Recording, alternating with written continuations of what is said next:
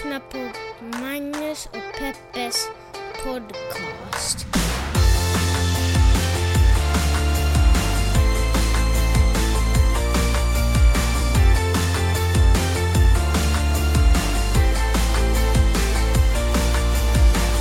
Hallå internet och hjärtligt välkomna till denna måndagen den 17 februari i Santa Monica och hjärtligt välkomna också till podcasten som heter Magnus och Peppes podcast. What's up Peppe? Ja, men här sitter man och är nöjd med sitt morgonkaffe. Det här är ju det nya, morgon, eh, morgonpodden. Ja. kanske vi måste rebranda oss till morgonpodden.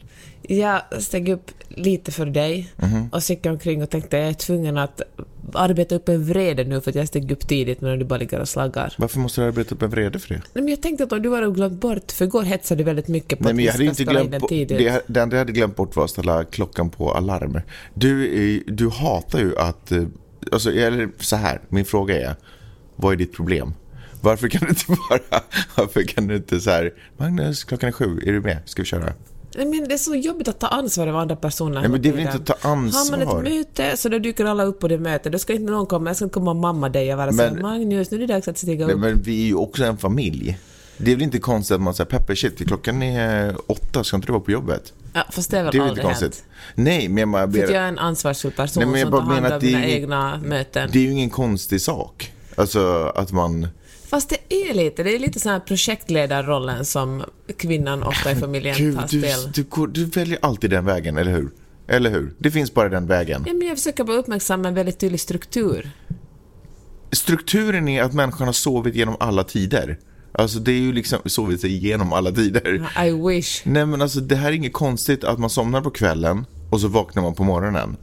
Ja, men då tar man ansvar om man säger att vi har en träff klockan sju vid eh, matbordet. Då tar man ansvar över att ses där själv. Men vänta nu, nu behöver vi inte, det här behöver inte till ett gräl för vi sitter ju här både du och jag. Ja. Men också så var det ju så att det var så här, eh, Magnus. Ja, med min snällaste röst. Ja, ja nej, men alltså jag mind, alltså jag var inte, eller vadå? Vadå med Ja. din snällaste röst? Ja, jag hade, det var ju inte som jag liksom Nej. kom och smällde på kastrullar när du skulle stiga upp. Nej, men det är för att du inte vill väcka de andra barnen. de andra barnen. Ja, kan vi avsluta den här slottet med precis den kommentaren? Det här är ju en podcast där vi pratar om stora och små händelser i världen och så gör vi det ur ett journalistiskt, feministiskt och mediegranskande perspektiv. Men jag vill ändå börja med att fråga dig hur har veckan varit, Peppe? Det var en fin vecka, Magnus. varför då? Nej, men det är ju februari nu, fåglarna kvittrar och, och man känner vår i luften. Kvittrar verkligen fåglarna? Jag, har tror inte tänkt mycket på det den senaste Jaha, veckan. okej. Det är mycket kvitter omkring en. Ja. Och eh, så känns det som folk har kommit tillbaka till livet efter Mm. en väldigt lugn januari månad. Det var mycket sociala, sociala händelser. Ja.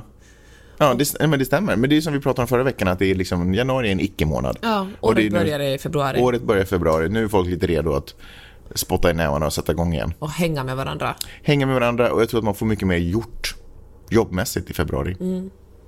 Januari är en svår månad. Ja, det var det verkligen. Jag hade verkligen var lite nedslagen i januari när du säger det. Mm. Jag, fick den där, jag kände att ingen vill anlita mig mer. Min karriär är död, kände jag. Ja, men sen fick du lite mail i februari. Ja, och det var ju inte det att ingen ville anlita, ja, ingen ville anlita dig i januari för folk var i ide. Men i februari vill folk anlita dig igen. Ja, när de kommer tillbaka. Ja. Ja. men det var skönt. Du då? Eh, shit, jag var inte beredd på att få tillbaka frågan. Eh, nej men jag tycker, ja men precis, alltså jag är på väg ut ur ide, det är det som är grejen. Eh, jag känner mig jävligt peppad nu inför året. Mm. Eh, Har du fått några nya poddar? Har jag fått några nya poddar? Jag har fått eh, några nya, äh, men det är mer sådana här poddar som har varit i, eh, i vad heter det, stuprännan länge. Som nu kommer igång. Mer så. Det är inga nya, inga nya kontakter har gjorts. Men eh, så är det någon där ute, jag, är- jag har fortfarande plats. Jag är fortfarande eh, arbetsvillig om vi säger så. Eh, grymt! Bra, då kör vi. Det gör vi. Jag vill tala om Mike Bloomberg. Oj, vi börjar där igen. Ja, vi bara kör igång igen. Jaha, okej. Men för mig har han varit lite av ett, eh, lite av en wildcard som vi säger här i USA. Bloomberg, ett Ja. wildcard för dig. Bloomberg. Jaha. Och jag tänkte att han kanske... Nej, men jag har försökt läsa runt om honom, men inte riktigt... Äh, ja, men han var republikan förut, visste du det?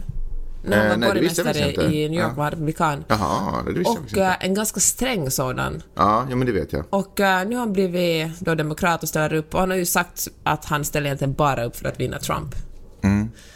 Inte så kanske så mycket för äh, att han delar den eh, demokratiska ideologin, vilket han i och för sig eh, har gjort. Jag vet inte om han gör det bara för att vinna, men han liksom, han, hans grej är att donera väldigt mycket pengar Mm. till olika syften, som liksom kvinnolobbyn, och han säger att han vill jobba för att eh, Ja, men för ett mer jämlikt och, och rättvist USA. Mm. Ge liksom, folk ska kunna utbilda sig, folk ska ha hälsovård och så vidare.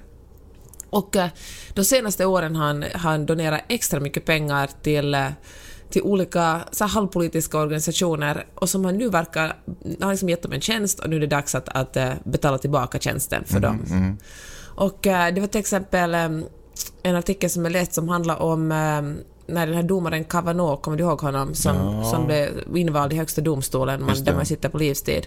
Och det var en kvinna som anklagade honom för att ha våldtagit ja. henne för fan 30 år sedan. Mhm. Och, ehm, och då precis innan, innan det här så skulle, det skulle Mike Bloomberg tala på en, en, en, en, kvinno, en kvinnoorganisation som stödjer den här kvinnan. Då skulle han tala och donera massa pengar till dem, tror jag, tre miljoner eller något sånt. Men precis innan det så började han snacka lite om att, att han metoo är lite överdrivet. Han är liksom skeptisk till det.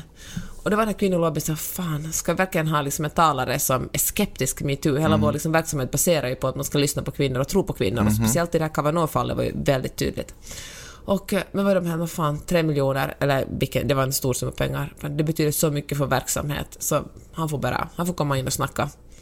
Och så här är det, han, det säger ju väldigt mycket om hur det här samhället fungerar. Har man tillräckligt mycket pengar så kan man fan köpa sig vad som helst. Ja. Han har ju, Mike Bloomberg har ju också satsat på, vid sidan om liksom politiska organisationer som, och, och, liksom, och ideella organisationer som han donerar en massa pengar till och nu hoppas på att de ska hjälpa honom att bli vald till president, eller först kandidat såklart, sen president. Så han har också satsat väldigt mycket på unga människor, på, på folk som är på influencers. Och bland annat är det här skämtkonto Fuck Jerry, följer du det på Nej, ja, det gör jag Insta. faktiskt. Ja. Ja, det är ju en hel redaktion, det är liksom inte bara Jerry som sitter där. Mm. Utan han, och han liksom, de hjälper honom att göra memes för att uh, unga människor ska tycka att Mike Bloomberg är rolig och rösta på honom. Mm. Och ett konkurrerande konto till de här, The Fat Jew, han var otroligt kritisk till, till att, att de här influencersarna gick med på att jobba för Mike Bloomberg, för han tycker att Mike Bloomberg är både sexistisk och rasistisk. Han har ett exempel som eh, borgmästare, nu bara rabblar jag upp allt jag vet om Mike Bloomberg, men jag tänkte att det kanske kan vara nyttigt för någon. All, ja, alla kanske inte läst det här. Men han är ju, speciellt som, som när han var borgmästare i, i New York så hade han en sån här policy som hette eh, Stop and Frisk som handlar om att polisen stoppade ensamma, eller gäng, men i alla fall svarta unga män på gatan. Om de var ute sent på gatan så kunde polisen stoppa dem och mer eller mindre våldsamt kolla om de bar på liksom weed eller någonting annat. Och, eh, och det här var ju liksom, ja men racial profiling heter det. När man liksom utgår från att någon är en brottsling bara på basen av, av hens hudfärg.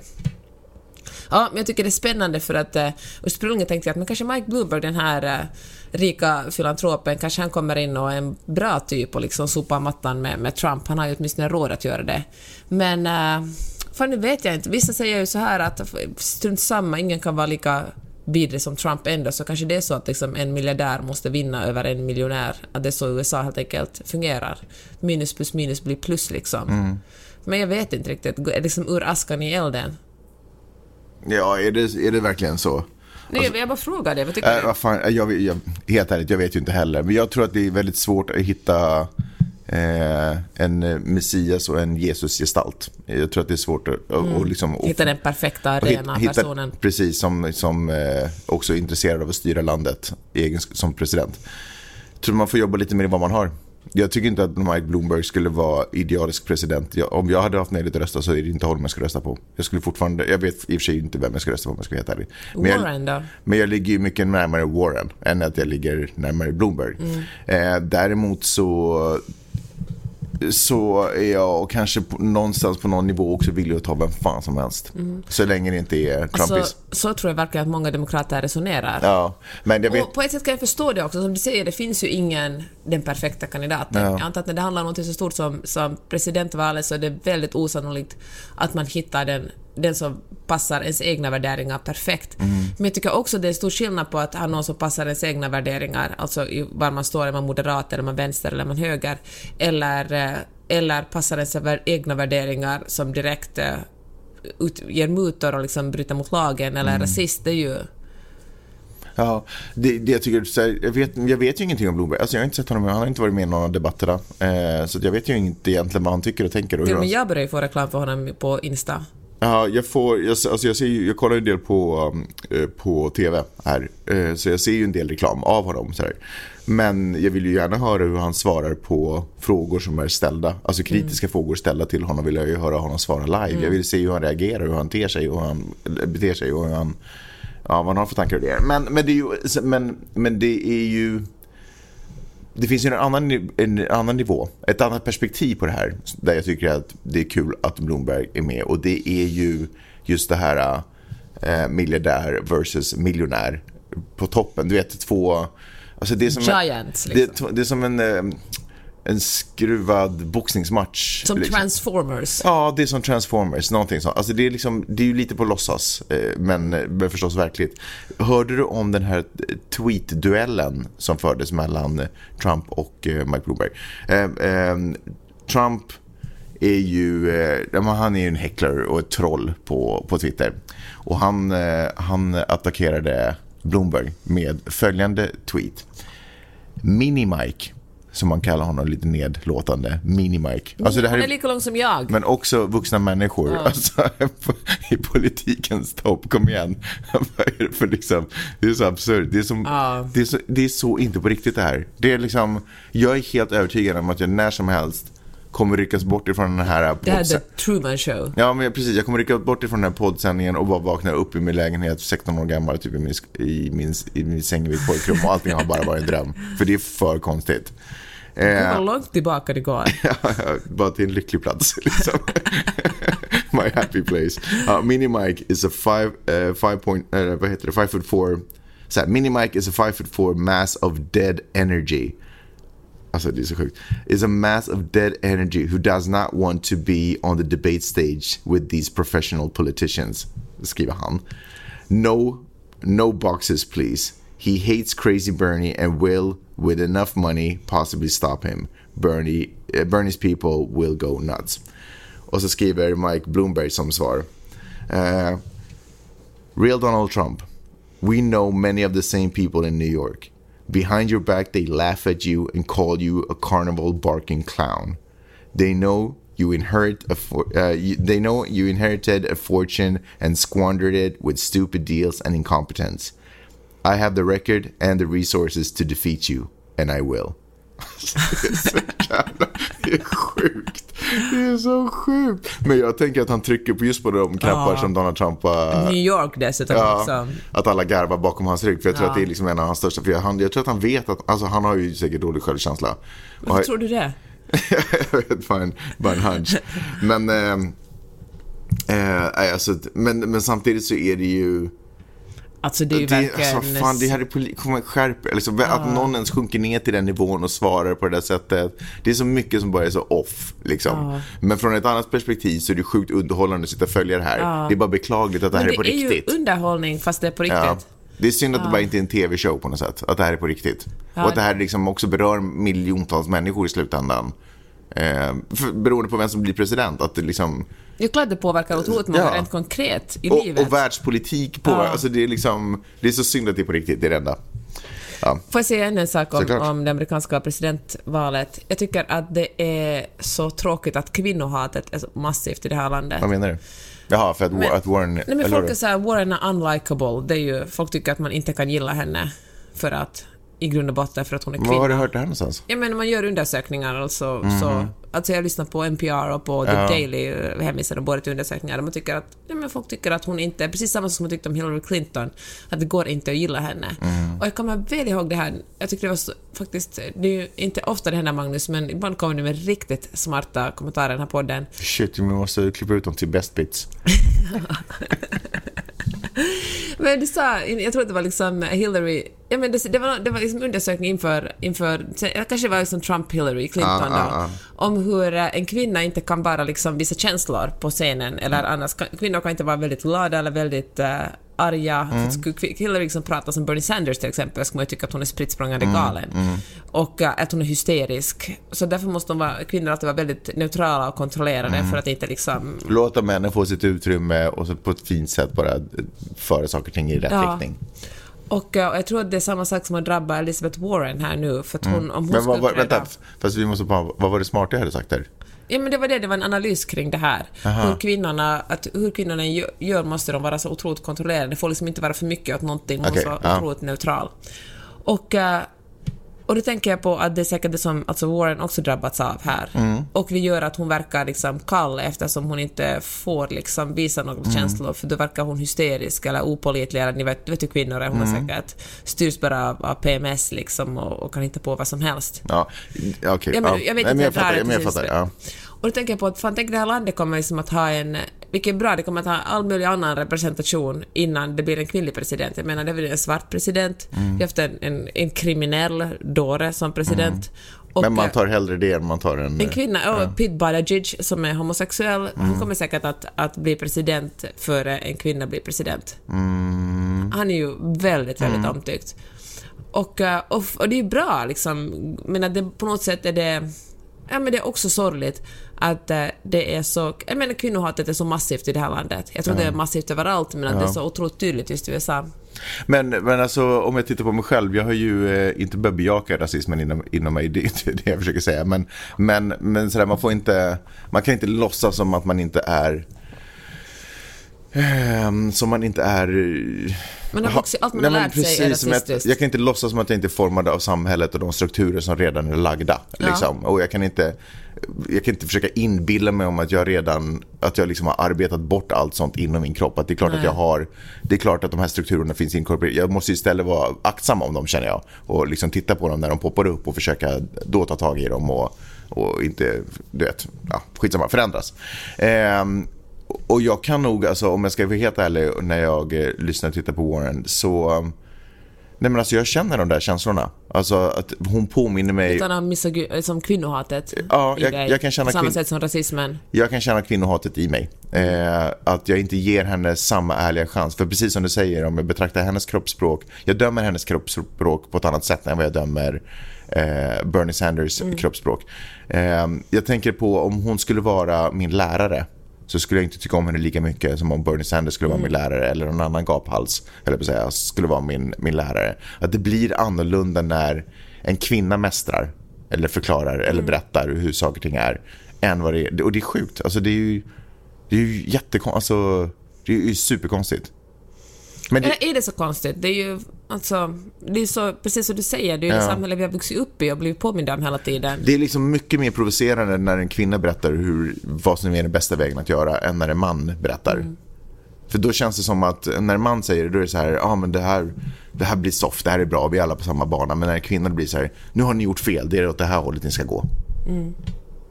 S- Intressant. Eller tragiskt menar jag. Ja, men Inte också intressant att, men fint att du kan uppmärksamma dig, dig själv, att du... Ja, det där, precis. Så därför får man ju, därför får man, för sen när man börjar titta på vilka, för den, jag kommer ju aldrig ihåg den där stackars presidentkandidatens, eh, Amy Klobuchar. heter hon så? Var är hon ifrån? Vad är det hon representerar? Är hon Kalifornien? Nej. Nej, det var Kamala Harris som är från Kalifornien.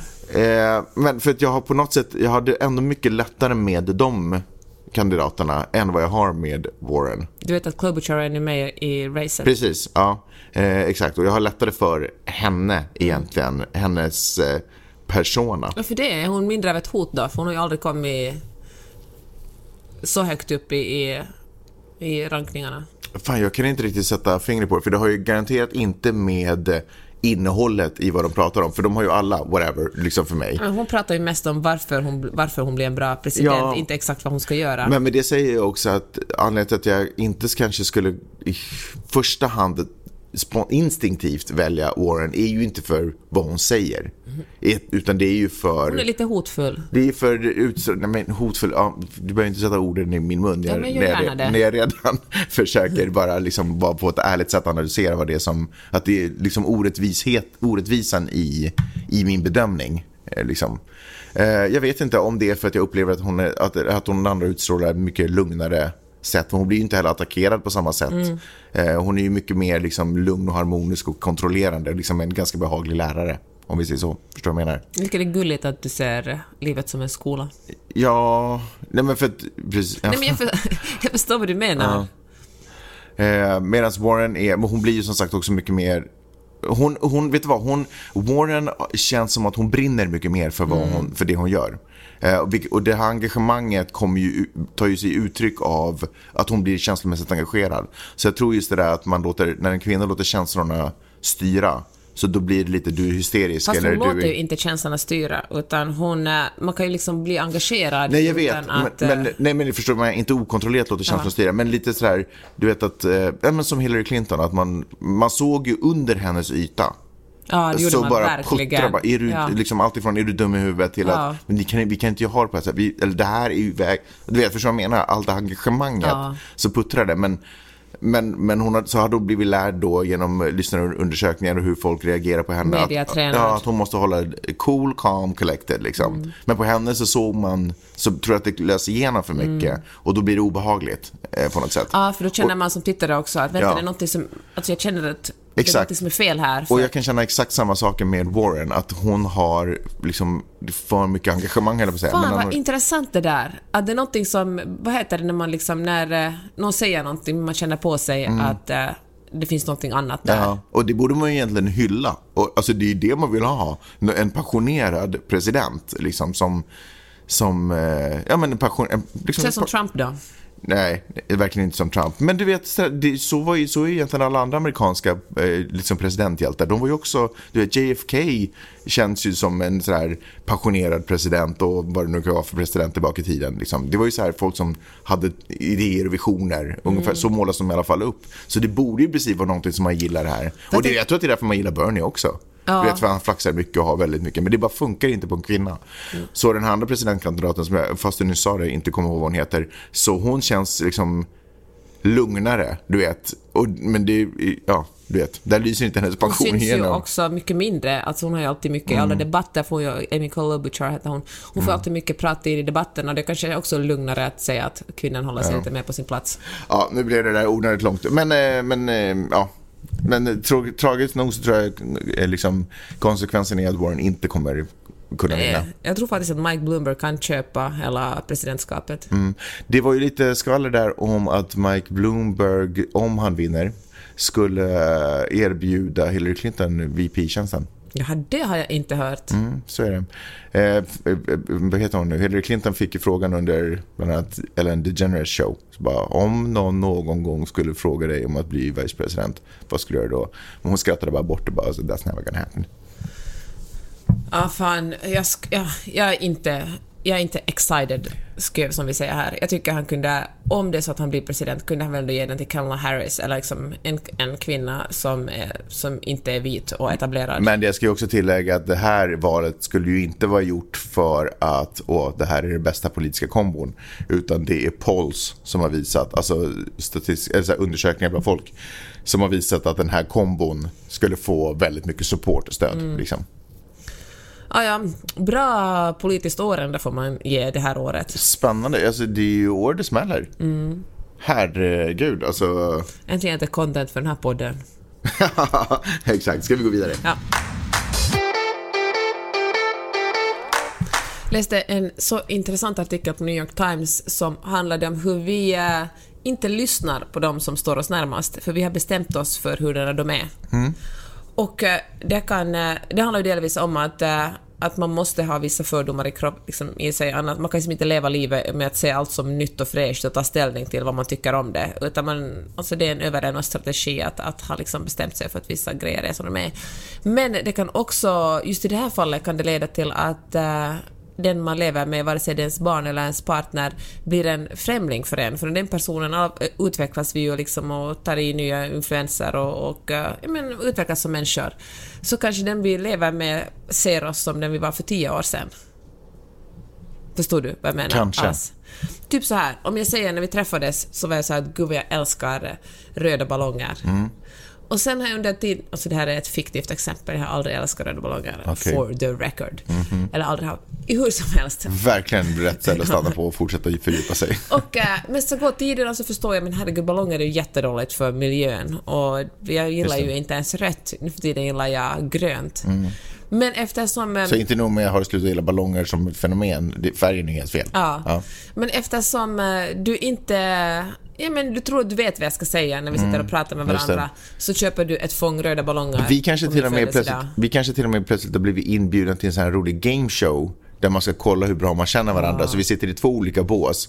Och då är det sådär, your partner's favorite balloon. Eller du vet något sånt. lätt. Jag bara, oh my god, den här kan jag så bra. Röda ballonger, boom. Och där. Ja, och så, Det var där, vi allt, där, där, ja, det var där det började, ja, slutet. och så lyfter du upp en skylt och så står det sådär, greens, but I prefer no balloons. Ja. Och man bara, ah, vem, Vem är, är du? Och där tappade vi typ en miljon dollar. ja.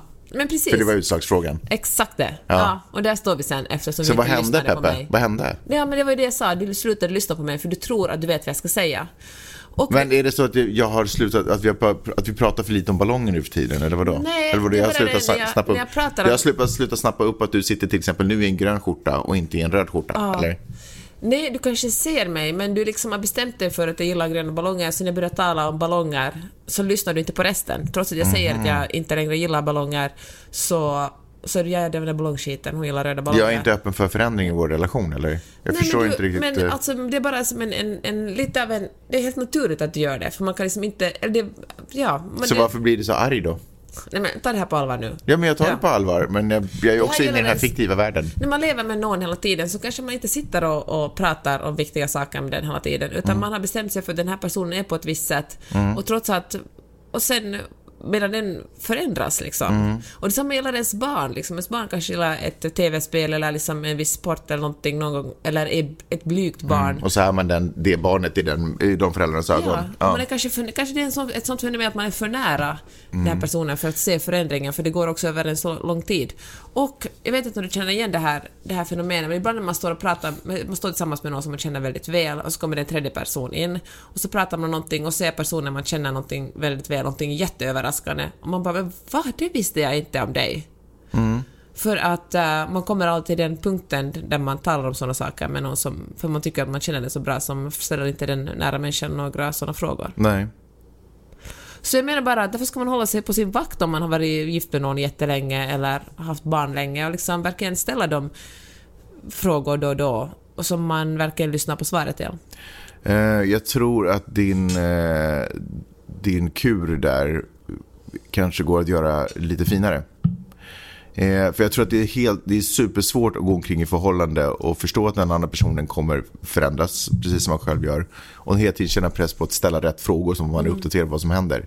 Men eh, kan inte du känna kanske att nyckeln är ju det kontinuerliga samtalet? Absolut. Förstår du vad jag menar? Att, du vet, nästan lite som det som vi har i podden. Att vi hela tiden liksom stämmer av och känner. Och podden gör ju att man också förändras och får nya, kanske, eller sådär, Mm. börjar se på saker på ett nytt sätt möjligen.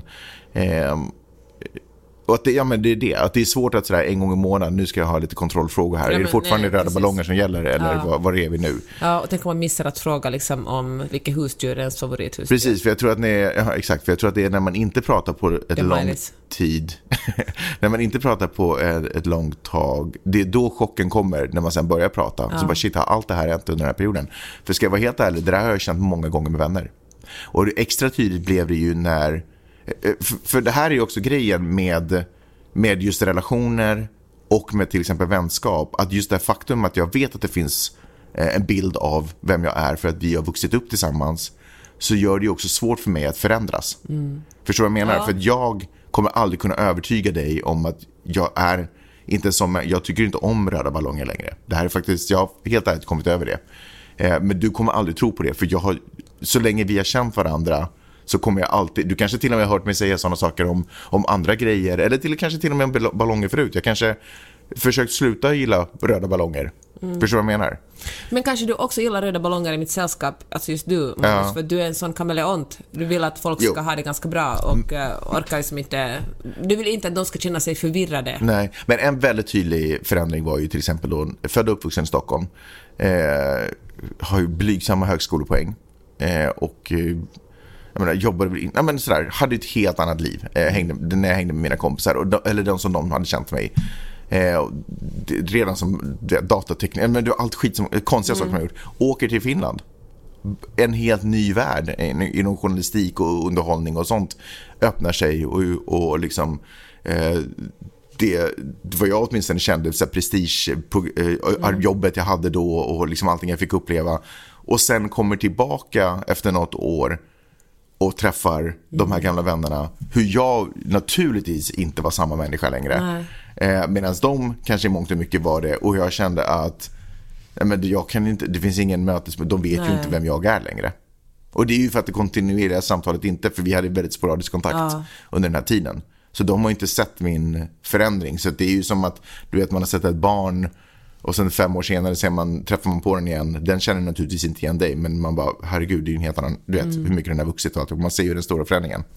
Eller, ja, du förstår vad jag menar. Jag förstår precis vad du menar. Eh, Och det kan jag tänka mig händer i, i relationer också. Du menar trots att man ser varandra varje dag? Ja. Ja, så är de subtila de där Nej men för även fast vi inte pratar så förändras ju jag. Det är Ja. ju inte... Jag kommer ju, vi kommer ju båda förändras oavsett vad vi pysslar Mm. med. Så det enda vi kan göra för att vara jour med varandras liv, det är ju dels kanske vara lite intresserad av den andra människans liv. Så att man liksom hela tiden håller igång samtalet. Och då kommer ju inte förändringen bli... Sen kanske du jag märker att du håller på att ett håll som bara inte är för mig. Liksom. Du tänker på den där svastikan jag har tatuerat in Jag på. tänker på den och de här underliga grupperna du har och... och nej, jag tänker på att du rider mycket. Det var inte det du signade upp för när vi blev ihop. Nej, men jag bara menar att, eh, nej men sådär, för det är ju också, ja, förstår du vad jag menar? Jag tycker, ja. men intressant. Ja, men jag tycker det är otroligt intressant. Och också lite sorgligt, för jag kan känna så här att, att eh, när man grälar och, eh, och vi grälar och så säger du någonting att men nu avbryter, liksom fyller i min mening eller tror att du vet vad jag ska säga, då är det ju otroligt kränkande för, om jag inte ska säga det. Då är det så men herregud, vet du inte vem jag är? Låt mig tala till punkt för att säga det jag vill säga, inte att du utgår från det som den platsen jag kommer ifrån. Så jag tänker att uh, du jag måste ge dig att du är en bättre grälare än jag, men jag försöker bli en bättre sån. Men att verkligen lyssna på en andra när man eh, också är i konfliktsituationer.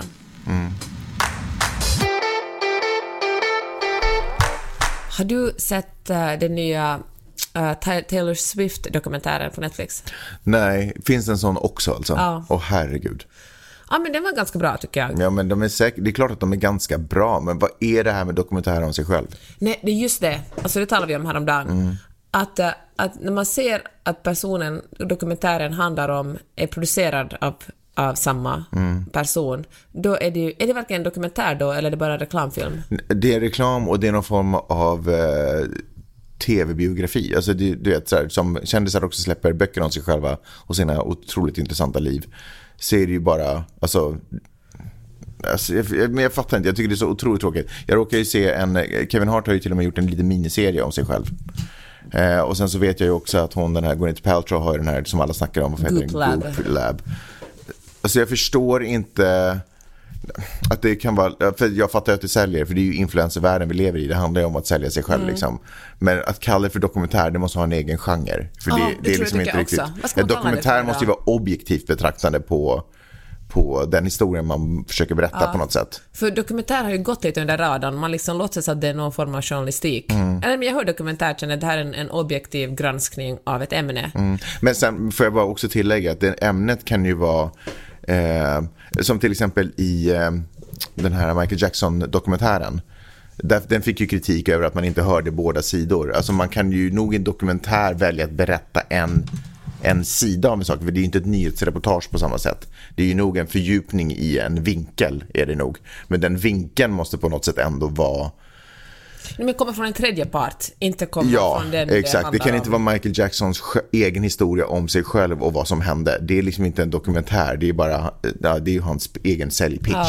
Och det är vad jag tycker att de här dokumentärerna är också. Berätta Taylor Swift, vad handlar den om? Ja, nej, men det handlar om Taylor, Taylor Swift, om hur hon blev politisk, eller kände att det var viktigt för henne. Nej, alltså, och det här, kan vi, d- det var ju ingen som visste att hon var det.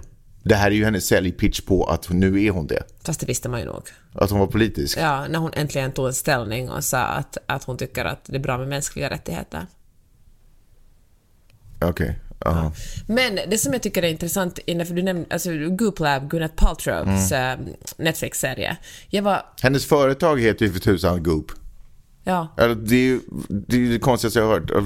Alltså, ja, fortsätt. Ja, nej men det, är, det handlar ju inte, det handlar ju indirekt om henne. Jag var otroligt skeptisk, för jag är skeptisk till allt som handlar om eh, Ja, men när man säljer wellness, när man säljer jättedyra grejer till kvinnor under devisen att det här är för att du ska må bra och bli en bättre människa, och din vagina ska dofta bättre, och eller din vulva ska dofta bättre, det lärde jag mig faktiskt i, Goop Lab. Och, eh, Det är på engelska, sa de vulva? Eller vadå? ja, men vulva. Men vagina är bara en del av, av eh, strunt samma. Vi kan ta Han det. anatomin. Mm.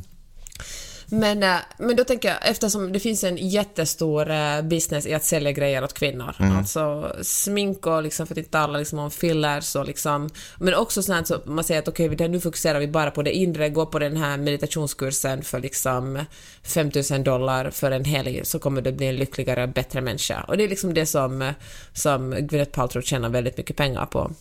Och eh, så jag gick in i, i den här dokumentärserien, eller vad de nu kallar det, med eh, stor skepticism och sen tyckte jag att Gwyneth Paltrow verkar så härlig. Hon verkar så vanlig och härlig och liksom gullig. Så jag började gilla henne lite mer. Såklart. Och det var ju exakt det som skulle hända. Ja. Det är bara- därför hon är programledare för showen om Ja, sig själv. hon är liksom. faktiskt inte programledare, men, Nej, men- hon hänger med i alla fall Jaha. på ett hörn. Men hon hänger också Finns det en programledare? Nej, det är mer som redak- liksom de snackar på Mm. Ja, gubbredaktionen, Mm. snackar de om vad de ska göra och liksom bjuder in olika människor. Och, och hon är, Gwyneth Paltrow är faktiskt inte med så jättemycket, hon är med lite här och där på ett hörn, precis så mycket att man får lite av ett sug efter henne för att se mer av henne. Fan så genialiskt gjord, för jag, eh, jag, bör, jag kollar på det med, började kolla på det med stor, stor skepticism och jag känner fortfarande mig väldigt skeptisk mot mycket av det de sysslar med där. Men eh, Sen tycker jag i och för sig vissa delar var bra också, men jag gillar Gwyneth Paltrow väldigt mycket mer efter det, så ja, det var ju supersmart gjort av, av dem. Jag tycker inte att det är smart att vara bedräglig och jag tycker att, för liksom, det är inte ett smart move. Jag tycker att det är cyniskt och bedrägligt helt enkelt. Jag tycker att det är ganska elakt. Jag tycker att det är lätt att vara en vidrig människa. Jag menar inte att Gwyneth Paltrow är vidrig. Jag menar att den här idén är ganska... Ja, men det är väl ytterligare en idé som, alltså, alltså hela gubb baserar sig på att kvinnor ska känna sig osäkra och vill bli säkra, eller känna att de inte duger, Ja. men att de kan konsumera sig till Men kolla att här, duga. för att man ska kunna, du vet, man ska, man, om det inte finns ett behov av någonting så ska man skapa ett behov av någonting. Det är så man kan sälja produkter som egentligen inte förtjänar att säljas. Och för att Gwyneth Paltrow ska kunna sälja de här produkterna så man kan säga så här, ja det här är för kvinnor som inte mår bra. Men ett sätt att, alltså då måste man också få dem att inte må bra. Man måste kanske påminna dem om Mm. alla saker som de skulle kunna förändra i sitt liv. Och har du någonsin känt det här? Har du någonsin känt det här? Och har du någonsin känt det här? Jag har lösningen till det. Tycker du att det är lite awkward med din, med din vulva ibland? Här, jag har en superbra produkt. Mm. Vem tycker inte att det är awkward med sitt kön? Det är väl inte där vi ska börja diskussionen liksom. Vi ska väl bara, du vet. Jag läste en, en analys av Barbara Einreich, nu vet jag inte, låter det som Tredje riket, men alltså en, en, en känd... eh, Man kan inte säga så, så fort man säger ett tyskt namn. Hur ska man säga det då? Nej, men hon heter väl så, man behöver inte dra till... Hon är i alla fall en amerikansk eh, författare som skrev en bok för det säkert nästan 20 år sedan, men som påverkade mig jättemycket, som heter Nickled and Dimed. Och där testade hon på hur det är att leva på en minimilön i USA och kom fram till att det inte går. Då måste man ha minst två jobb eller dela hem med någon eller liksom sova i sin bil. Det liksom går inte att leva på en minimilön. Hur som helst, hon hade en teori gällande just det här wellnessindustrin och att sälja grejer till då främst kvinnor, fast också lite till män. Det är det som Joe Rogan håller på med och, och lite Alex Jones, alltså den här galna Trump-anhängaren och radiopratare som säljer ormblod och liksom en massa näringstillskott för, för män som Mm, känner att de inte duger. Och eh, hon sa att i en tid där, eh, där man annars känner sig ganska osäker, man sa vad fan händer, blir det krig, det finns liksom ingen religion riktigt att se tillbaka på för vår, vår, liksom den tiden vi lever blir, är allt mer sekulär. I en sån tid blir det individuella jättemycket mycket viktigare. Och det individuella har ju alltid varit extra stort i USA, liksom medan vi kanske i Norden har haft någon slags liksom, ja men tillsammans bygga den här välfärdsstaten har USA varit väldigt mycket av varje man i sin egen lyckas smed. Och nu lever vi i en extrem individuell tid i, i världshistorien eftersom ja, man kan inte lita på politiker. Trump är liksom öppen med att man inte kan lita på honom utan han ljuger fritt fram. Och, eh, och som jag menar, andra politiker också ser inte politiken som något som ska bygga upp landet utan som en personlig karriär snarare att, att få makt och pengar.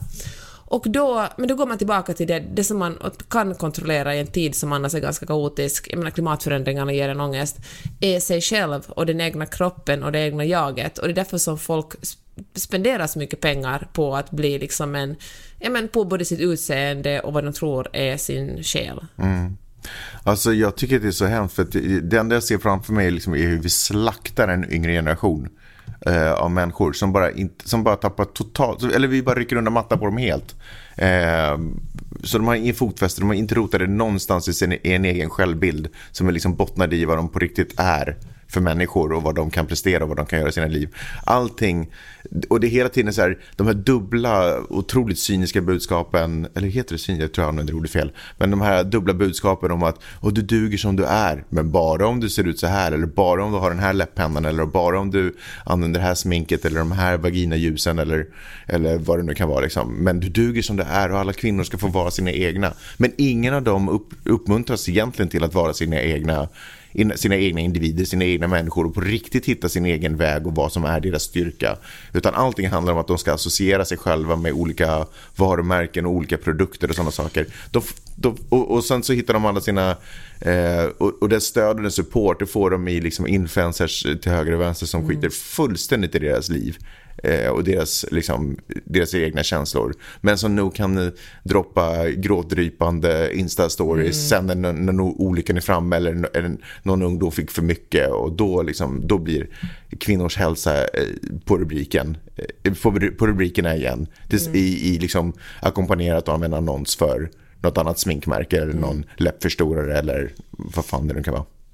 Men jag tror att det inte bara handlar om liksom en, en ung generation, jag tror det handlar om föräldrar också som vill det absolut bästa för sitt barn och därför vågar ingen säga stopp och säga att men vad håller vi på med? Vi kan väl inte konsumera oss till lycka utan vi måste ju prata med varandra och uh, det måste finnas ett annat sätt att, att bygga ett, ett självförtroende. Men när alla andra, liksom när eh, liksom alla andra, jag vet inte, lägger ner en massa pengar på kanske onödigheter, så är man rädd för att eh, ens barn ska komma, inte höra, eller känna sig utanför och känna sig som den konstiga gruppen och då bara går man med i det lämmeltåget. Du, en liten snabb notis från TT, tidningarnas telegrambyrå. Eh, vi pratade ju om, om dokumentärer här alldeles precis nyss. Och det, det, Leaving Neverland, den där dokumentären om Michael Jackson eh, handlar om, eller heter, eh, den eh, i Sverige, sen den visas på SVT, så anmäldes den till granskningsnämnden för att den var liksom opartisk och sådär. Eh, nu, faktiskt nyss, så har den friats. Eh, ja, eh, så, här, så här står det. Dokumentären anmäldes efter att den sänds på SVT förra året. Exakt vad jag sa. eh, och eh, nu anser nämnden att det är tydligt att det endast är de två männens perspektiv och skildras, eh, som skildras och att Michael Jackson själv nekat eh, nekat till anklagelserna. Enligt granskningsnämndens praxis gör det att dokumentären inte strider mot kraven på opartiskhet och saklighet. Eh, Det är alltså tillåtet att skildra ett ämne från en särskild utgångspunkt om det framgår tydligt att det bara är en part eller synpunkt som lyfts fram. Jag tänker, fasiken vad fint att det finns en granskningsnämnd. Ja.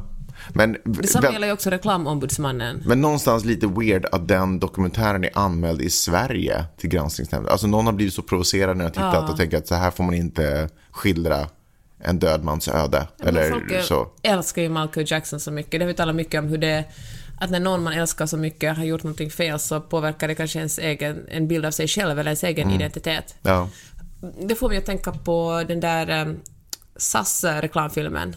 Läste du om den? I, vänta, jag påminn mig. Ja. SAS gjorde en reklamfilm bara för några dagar sedan om hur ingenting är riktigt skandinaviskt utan Just det. hur köttbullarna kommer från Turkiet och liksom det. Midsommarstången från plockades ner men loads upp igen. Ja. Och eh, fan, det här talar vi lite om mellan raderna men det kanske inte finns så många dubbellyssnare. Nej. Men, eh, men jag tycker det är intressant hur folks... eh, ja, men det, liksom, jag tycker det finns en koppling mellan det här eh, Michael Jackson, hur man, ens kärlek för Michael Jackson, någon kritiserar honom kritiserar man indirekt, liksom Michael Jacksons fans. Och detsamma tycker jag gäller här. Man, det är ju ingen direkt kri- kritik på Skandinavien, det som SAS gjorde, utan det var bara en förklaring till hur världen fungerar. Liksom. Det finns ingenting som är bara... Allt, allt handlar om influenser.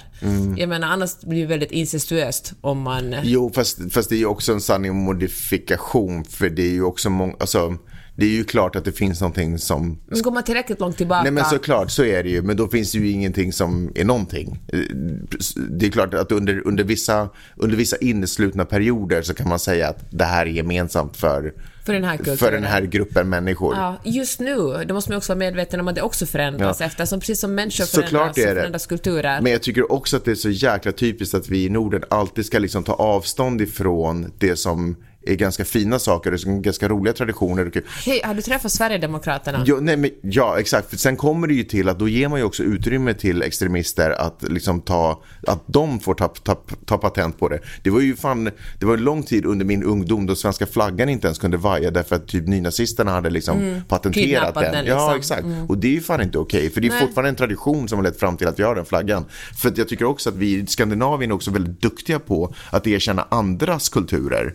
Men det är ju samma lagar där. De kulturerna är ju inte, om vi går tillräckligt långt tillbaka i tiden, unika för de, de landområdena eller några sådana saker. Så jag tycker att vi har ju också rätt att frysa tiden under tidig historia och säga att det här, det här kan vi, Ja. det här kan vi tycka är skandinaviskt. Fair enough. Jag tycker det var helt en... Nej, det var en Men bra det betyder, kommentar. det betyder inte att det inte är en bra, alltså jag menar, det är Men min fortfarande poäng poäng. var snarare det att när man att när man identifierar sig så mycket med det som man tror att är rent skandinaviskt, att man blir kränkt när någon ifrågasätter Ja. det, att verkligen rucka på ens hela identitet. Ja. Det, det finns ju en liksom någon sorts koppling mellan att vara ett jättestort fan till ett vad det ett fotbollslag eller en artist. Mm. Och när någon kritiserar den så tar man det verkligen personligt och blir direkt aggressiv. Mm. Och jag tycker att det är ett... eh, Ja, men det, och det handlar om religion också för Ja. den delen. Och jag tänker att det är liksom ett problem att man måste kunna hitta någon slags trygghet i sig själv och, och inte... Och, ja, fan det här är världens... Nu, gud vad jag slår in öppna dörrar nu. Men att eh, inte identifiera sig, eller försöka förstå att det kan... Det är många parallella saker kan hända samtidigt. Man kan älska en artist och ändå inte vara pedofil själv för att man, den här personen har varit pedofil. Man får ju välja själv om man fortsätter älska den efter den här informationen. Men det är liksom inte en, en, en personlig kritik mot dig. Nej. Och samma sak, att, att säga om SAS säger att köttbullarna kommer från Turkiet, är det ju inte en personlig kritik till alla svenskar som tycker att köttbullar är, är, är gott. Nej, fast det är en personlig kritik till att vi inte får, att man som svensk inte får känna att man är en del av en, en, en, en gemenskap, en samhörighet som inte nödvändigtvis är global. För det är ju så att ändå, liksom, så som vi lever i Sverige eller i Skandinavien är ju ändå ganska unikt gentemot hur människor lever i övriga världen. Jag menar det statsskicket vi har byggt upp och det samhället vi har byggt upp och det är ju en konsekvens av att vi har samlats kring traditioner, vi har samlats kring gemensamma idéer, vi har format att vi är intresserade av de här sakerna. Och det, så att jag menar de här traditionerna, ist- istället för att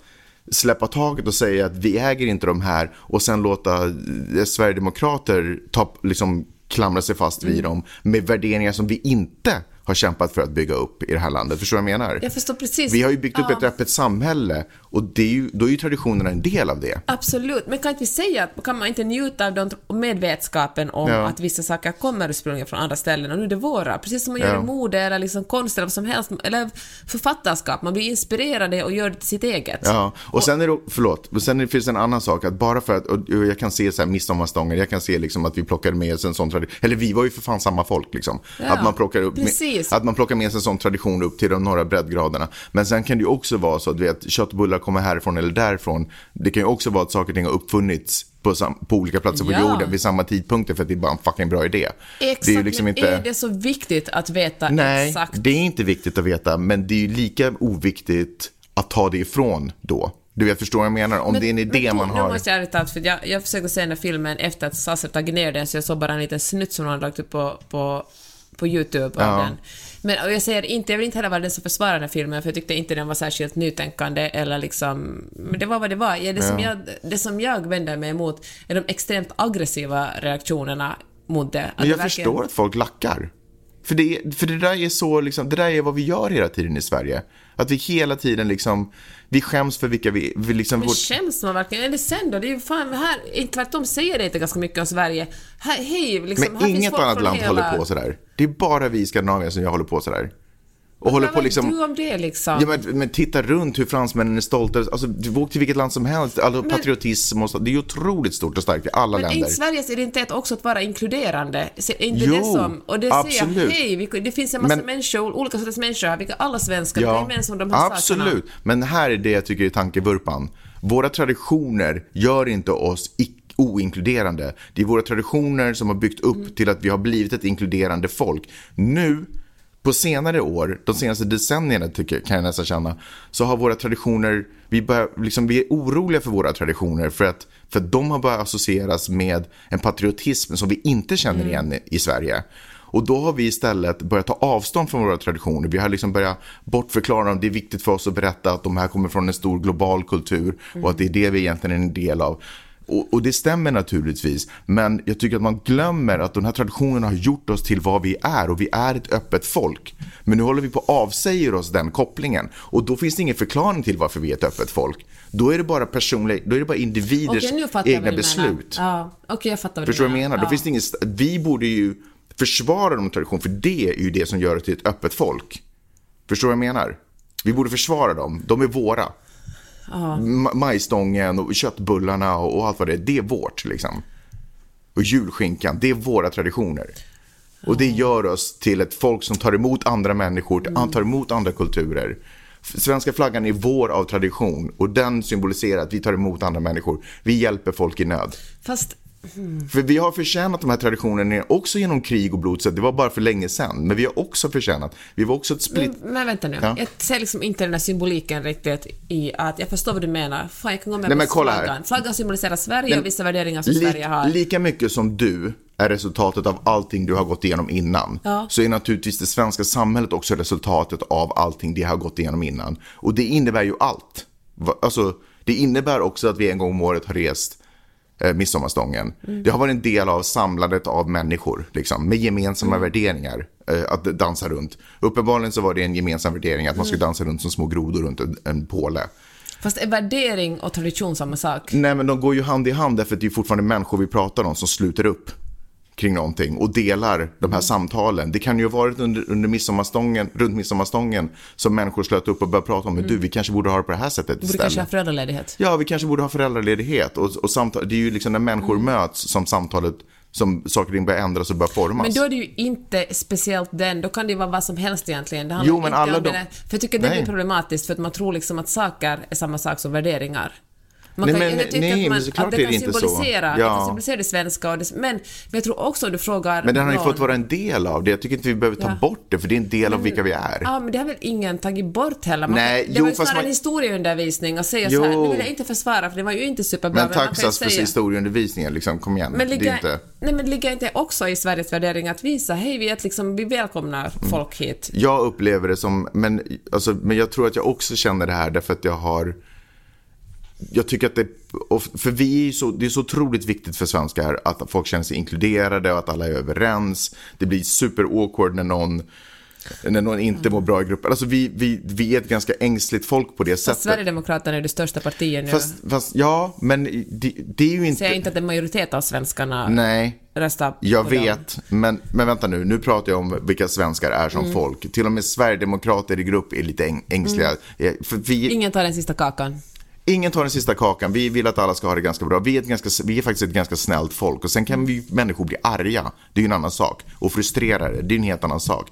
Men i grund och botten så är vi ganska snälla. Vi vill att folk ska känna sig inkluderade. Och det gör att det är väldigt lätt för oss att eh, för att världen och eh, för att världen ska vara bekväm med oss. Att vi är sådär, ja men tack för köttbullarna som vi har fått från Turkiet eller Italien. Tack för midsommarstången som vi har fått och julgranen vi fick från Tyskland. Tack för, alltså att vi att vi gärna ger andra cred för skit som vi ändå har gjort till vårt på vårt sätt. okej. Och jag tycker, att det är, jag tycker att det är synd för det hjälper inte vår egen självbild. Och jag tror också att, du vet, när man också känner att ens kindness is being taken for weakness, som jag kan uppleva att säkert ganska många eh, människor i Sverige upplever, att vi, inte nog med att vi har varit ganska välkomna, nu känner vi att vi blir utnyttjade. Du vet om det sprids sådana rykten om att de som kommer in inte behandlar de, de, den utsträckta handen väl, då tror jag folk också blir irriterade och upprörda. Och då tror jag också att det är en ännu mer en nagel i öga när det kopplas ihop med samtal om att traditionerna inte ens är våra. Men vad menar du med det där att... att Nej, men jag tror, det finns ju uppenbarligen en frustration över invandringen i Sverige. Det är ju därför Sverigedemokraterna är det största partiet just nu. Därför att det finns en frustration över att det finns en uppfattning, sant eller inte, det, det, det vet inte jag, men troligtvis inte. Men det finns åtminstone en, en bild och en uppfattning om att eh, de människorna som vi har tagit emot och hjälpt ifrån krig och elände, att de kommer hit och utnyttjar systemet som finns i Sverige. Eh, de beter sig kriminellt och de, eh, och, eller så utnyttjar de sociala systemet. Det finns ju uppenbarligen en sån bild av det. Och det tror jag är, det tror jag bygger upp en frustration, frustration när den propagandan har spridits. Eh, därför att utgångspunkten var att vi skulle vara schyssta. Men nu, kom, nu när vi har varit snälla så, så utnyttjas vi. Hur ska man råda bot på det här då? Eh, nej, men för det första, alltså det finns ju massa saker vi ska, jag, alltså jag, orkar inte, jag vet inte vad jag ska gå in i, in, i, i, i flyktingpolitikfrågan. Alltså jag är fortfarande av, upp, personligen av uppfattningen att om folk, om eh, folk behöver hjälp så måste man göra vad man kan för att hjälpa människor. Jag tror inte det också handlar om, om ekonomiska frågor helt enkelt. Nej, men såklart de att det som handlar. är rikast betalar mindre skatter, rutavdrag. Nej, men Jag tänker 100 att det finns procent handlar det om det där. Men skitsamma, det är ju inte den på den nivån diskussionen och samtalet är. Utan det finns ju, nu finns det ju en, någon att skylla på och någon Mm. att peka på. Och de, och de här diskussionerna går hand i hand med också vad som är svenskt och vad som är kulturellt svenskt. Därför det är ju det vi hade hoppats på att de här människorna skulle anamma och älska. Eh, och vill, vilja bli en del av. Förstår du? Det här är den enkla förklaringen. Förstår du vad jag menar? Men det finns åtminstone en koppling mellan vårt kulturella arv och vad det innebär att vara Okej, nu svensk. blir det här för svårt, så det kan man ju också fråga. Folk som kommer som flyr vill ju kanske inte komma till Sverige, eller vill komma bort från sitt land, och Sverige är ett land som tar hand om De kommer kanske inte till Sverige Ja, men du- för att bli liksom, Nej, någon men som kan vi älskar eh, surströmming. Nej, jag fattar det. Men kan vi ändå... Nej, jag förstår det. Men vi är ju också ett land, eller Sverige är också ett land som tar emot liksom massvis med mycket fler människor än vad många andra länder gör i Europa. Och då är det väldigt lätt att titta på vad har de för problem, till exempel med invandring och vad Sverige har för problem med invandring. Och då är det säkert inte så jäkla roligt att se att vi gör allt det här samtidigt som jag vet att min mormor ligger på långvården och blir... Alltså förstår du vad jag menar? Allt det här går ju Ja, ihop. fast det är också att sätta dem eh, Nej, men nu, fast nu börjar du argumentera Ja, ja. mig om de här... Jag, jag, jag, vet, jag, vet, sitter inte och säger att det är på det här Du sättet. försöker förklara hur Sverigedemokraterna resonerar. Jag försöker förklara också varför, varför det här sträcker sig bortom Sverigedemokrater. Därför att man, jag tror inte att det är rätt väg att gå. För vi gör alltid det i Sverige. Jag tror inte att det är rätt väg att gå och hela tiden försöka förklara att vi är en del av en global gemenskap när det finns någonting som är svenskt. Okej, så det var ingen bra reklam. Nej, men jag tycker inte att den, det var ingen bra tid att släppa den, att göra den här reklamen. Den behövs inte. Vi behöver vara stolta. Vi behöver återigen, precis som vi gjort förut, ta tillbaka, eh, ta tillbaka de här traditionerna till det som på riktigt är svenskt. Ja, Nämligen att hjälpa. Det där måste jag... Om det kan men jag, jag måste fundera vidare på det som du just sa. Vi kanske kan tala vidare om det i nästa avsnitt. Men vad är det då? Nej, men Kan du inte för jag- bara surrender till att jag hade rätt? Absolut inte. Nej men vadå? Vad kände Nej, men du? jag, jag måste verkligen fundera på det. Okej, ja, ja. Jag funderar på det, du har ungefär en vecka på dig. Okej. Mm. Morgonpodden, Ja, vi hörs. det gör vi. Hej då.